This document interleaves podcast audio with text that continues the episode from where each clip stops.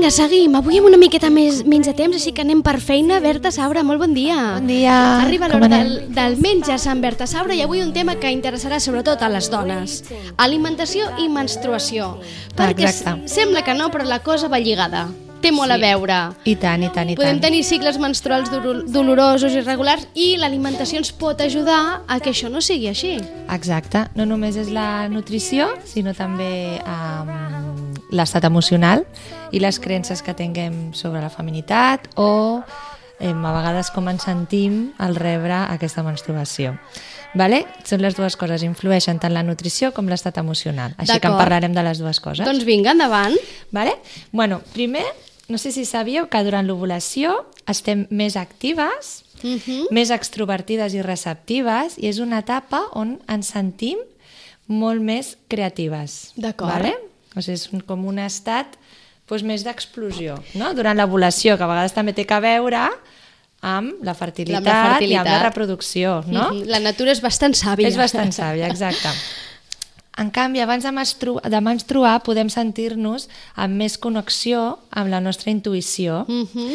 Després, durant la menstruació, és un moment de renovació i estem més reflexives i més introvertides, no? Allò que dius, ui, estic, estic potxa. Estic potxeta, estic fluixeta, no? Que dius... Exacte. També és veritat que és un moment en què nosaltres ens des- desprenem de la menstruació i estem utilitzant l'aparato reproductor vale?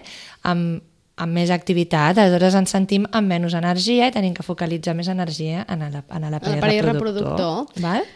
Després també dir-vos que l'estrès i l'ansietat provoquen doncs, una irregularitat hormonal que es tradueix amb, amb, una, amb uns cicles menstruals més curts, més llargs. Clar, que en val? definitiva tot això és el cicle menstrual, que moltes vegades hi haurà moltes dones que per sort mm, pràcticament no se n'entenen, però hi ha moltes que durant el mes sí que tenen doncs, aquestes setmanes de pujades i baixades. Doncs sàpigueu, que sàpiguen que això va, va lligat al cicle menstrual, a tot això que comentaves ara, de si estaves en el període d'ovulació, si estaves en el període de menstruació, etc. Per tant, tot això, si ens afecta, si mm, els notem molt aquests símptomes, si eh, realment eh, en, en, en aquest moment en què estem més fluixetes, estem molt més fluixetes, tot això podem em, equilibrar-ho d'alguna manera. Exacte, ho podem equilibrar.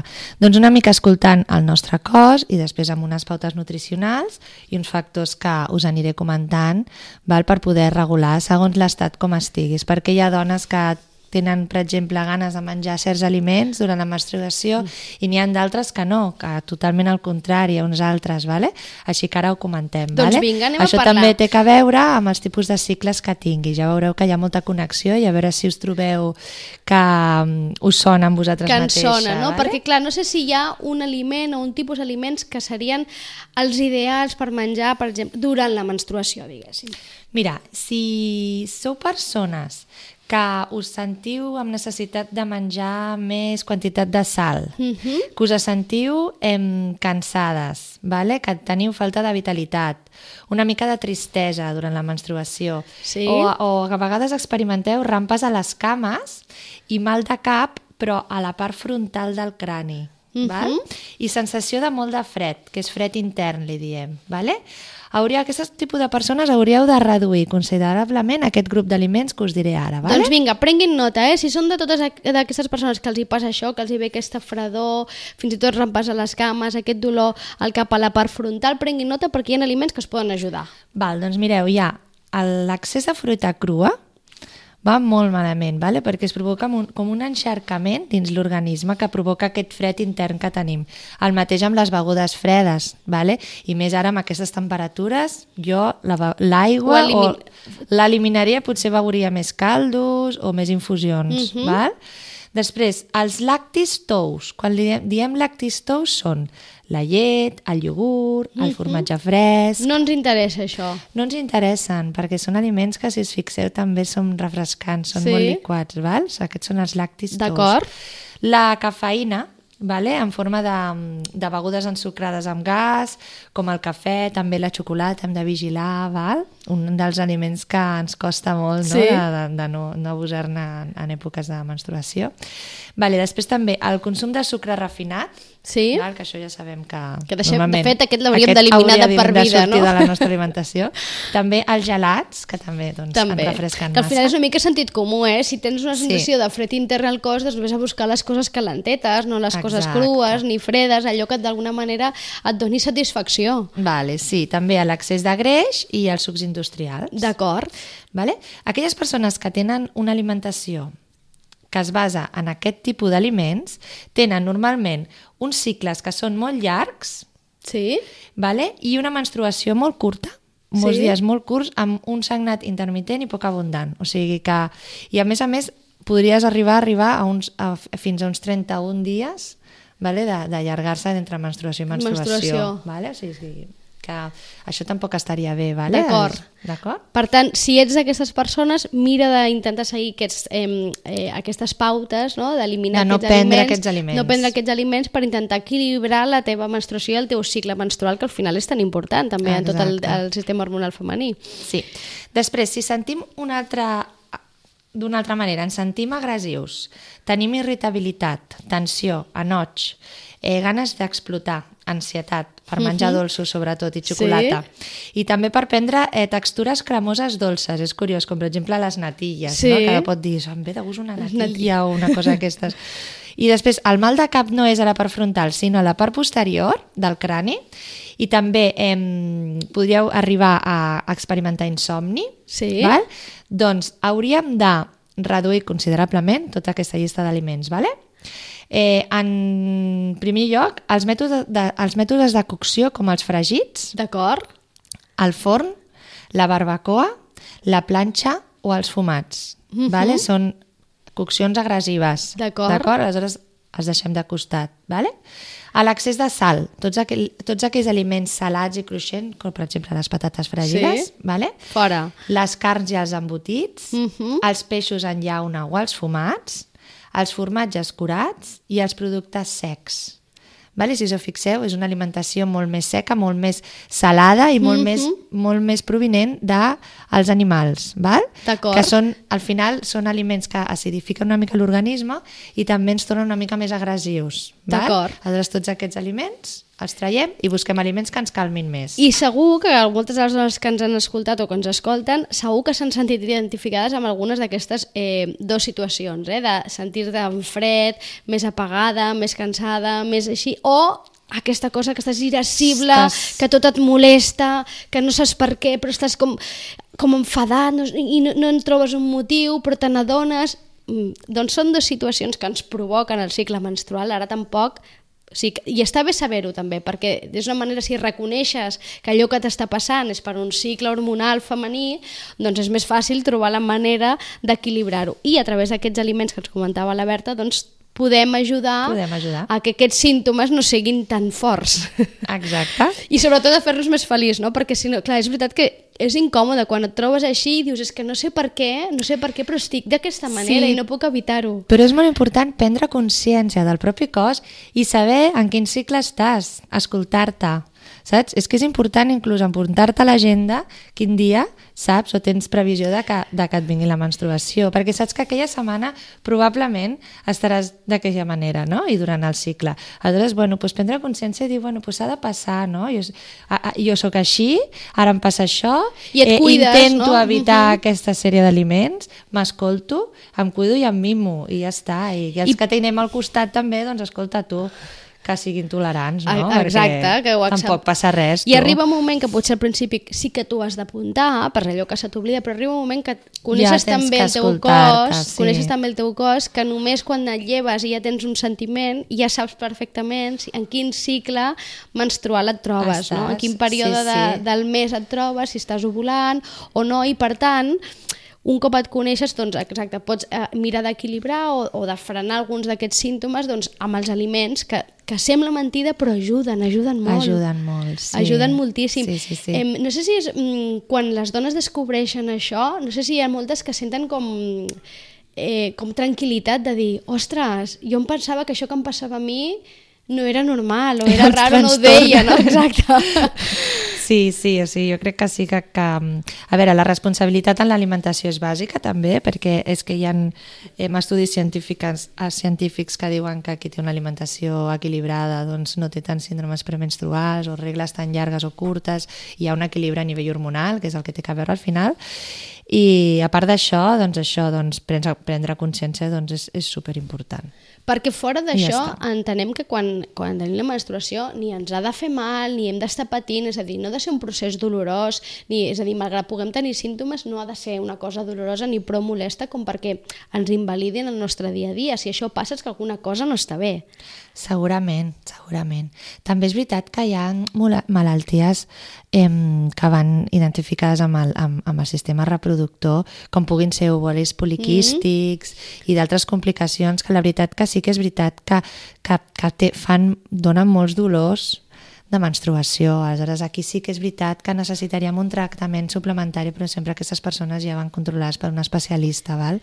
Però el dia a dia és que fins és que bueno, jo mirant articles, realment hi ha un 60% de les dones que tenim aquests problemes.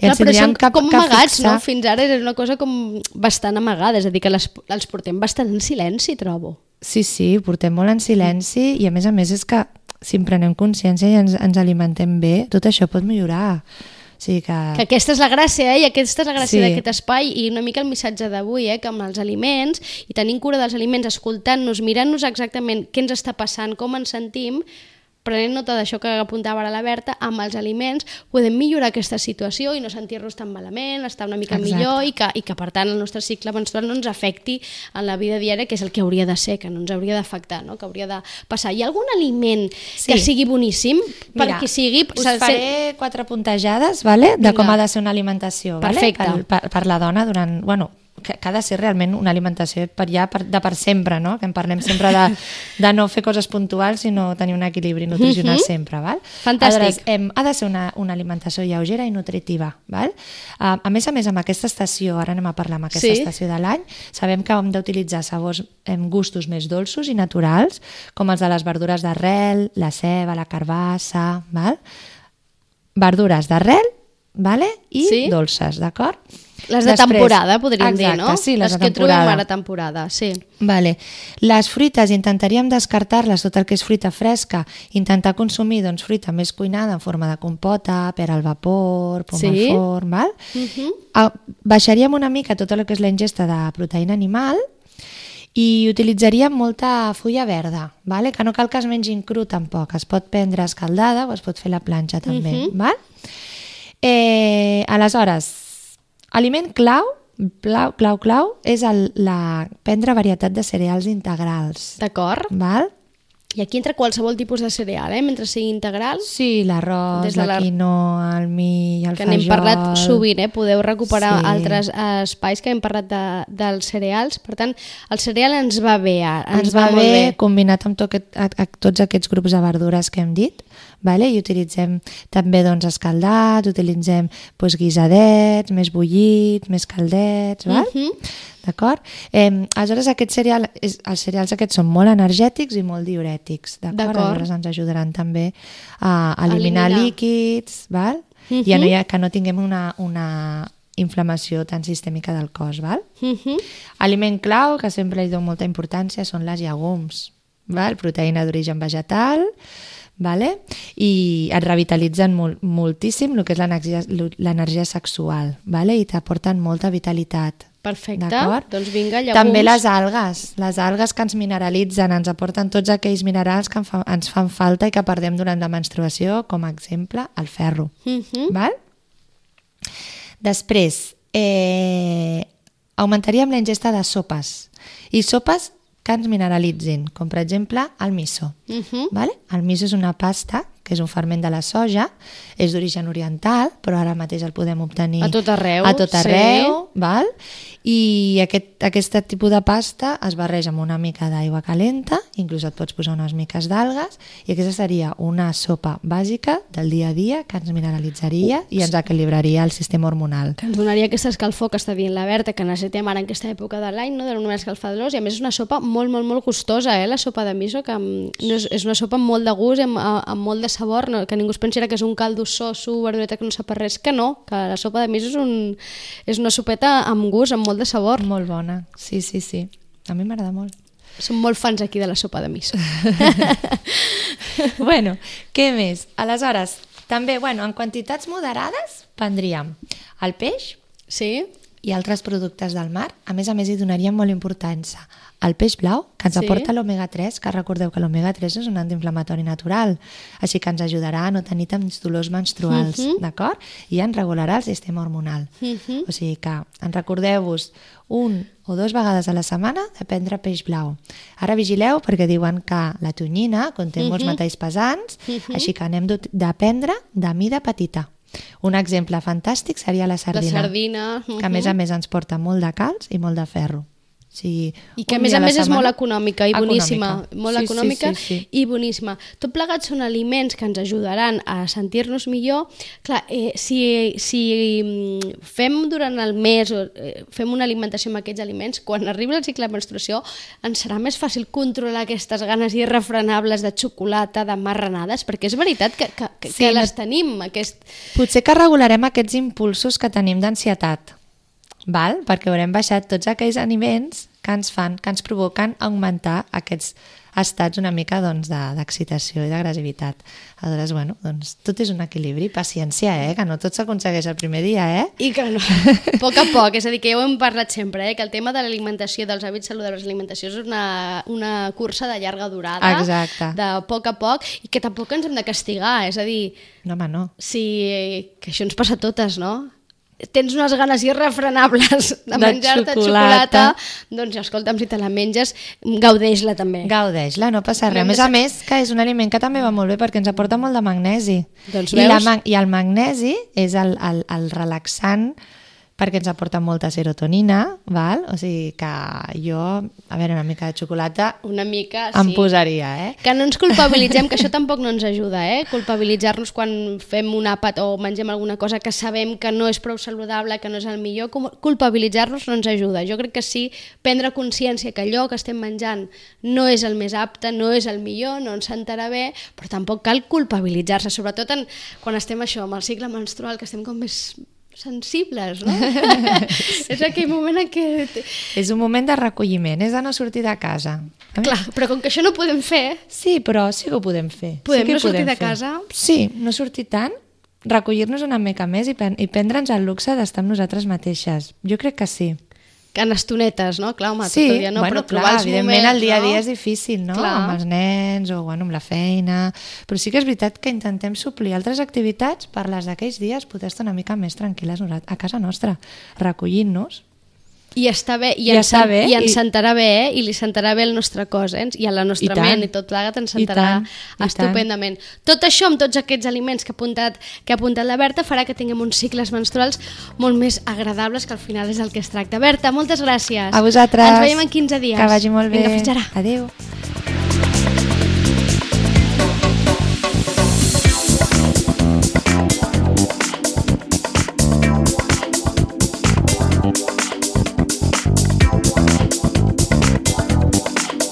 Ràdio Maricel, cada dia, al matí amb nosaltres.